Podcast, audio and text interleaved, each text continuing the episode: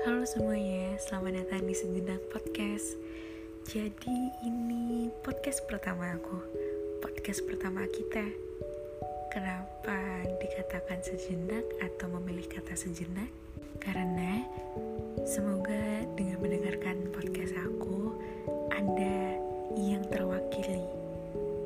Entah itu perasaan atau yang lainnya.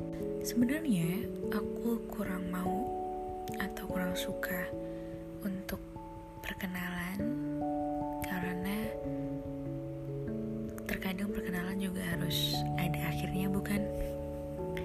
Dan kata orang-orang kalau di awal perkenalan kalau tidak kenal maka tidak sayang. Tapi aku kurang suka dengan kata-kata itu karena bahkan ketika kita sudah kenal masih saja belum sayang jadi lebih baik biasa-biasa saja. Dan kalau ditanya tentang podcast, kenapa memilih podcast?